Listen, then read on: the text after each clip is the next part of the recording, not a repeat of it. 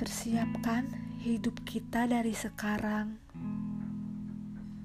untuk menyambut hari-hari yang akan habis. Suatu saat, hari yang mengerikan itu datang. Apa kita sudah cukup siap untuk menyambutnya?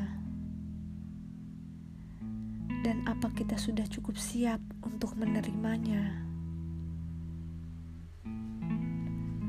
Berdiam dan terus berdoa, terus-menerus mendengar cerita duka.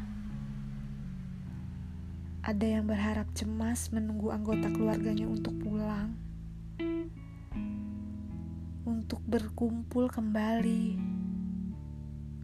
dan banyak juga yang harus menerima kenyataan bahwa anggota keluarga telah berpulang untuk selamanya.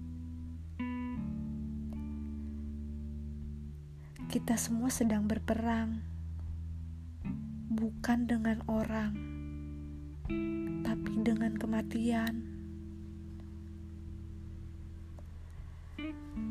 Akhirnya, yang paling baik di dalam kehidupan hanyalah doa.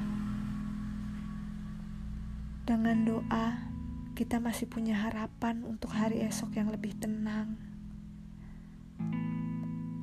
lekas pulih duniaku. Sudah cukup pembelajaran untuk peristiwa ini.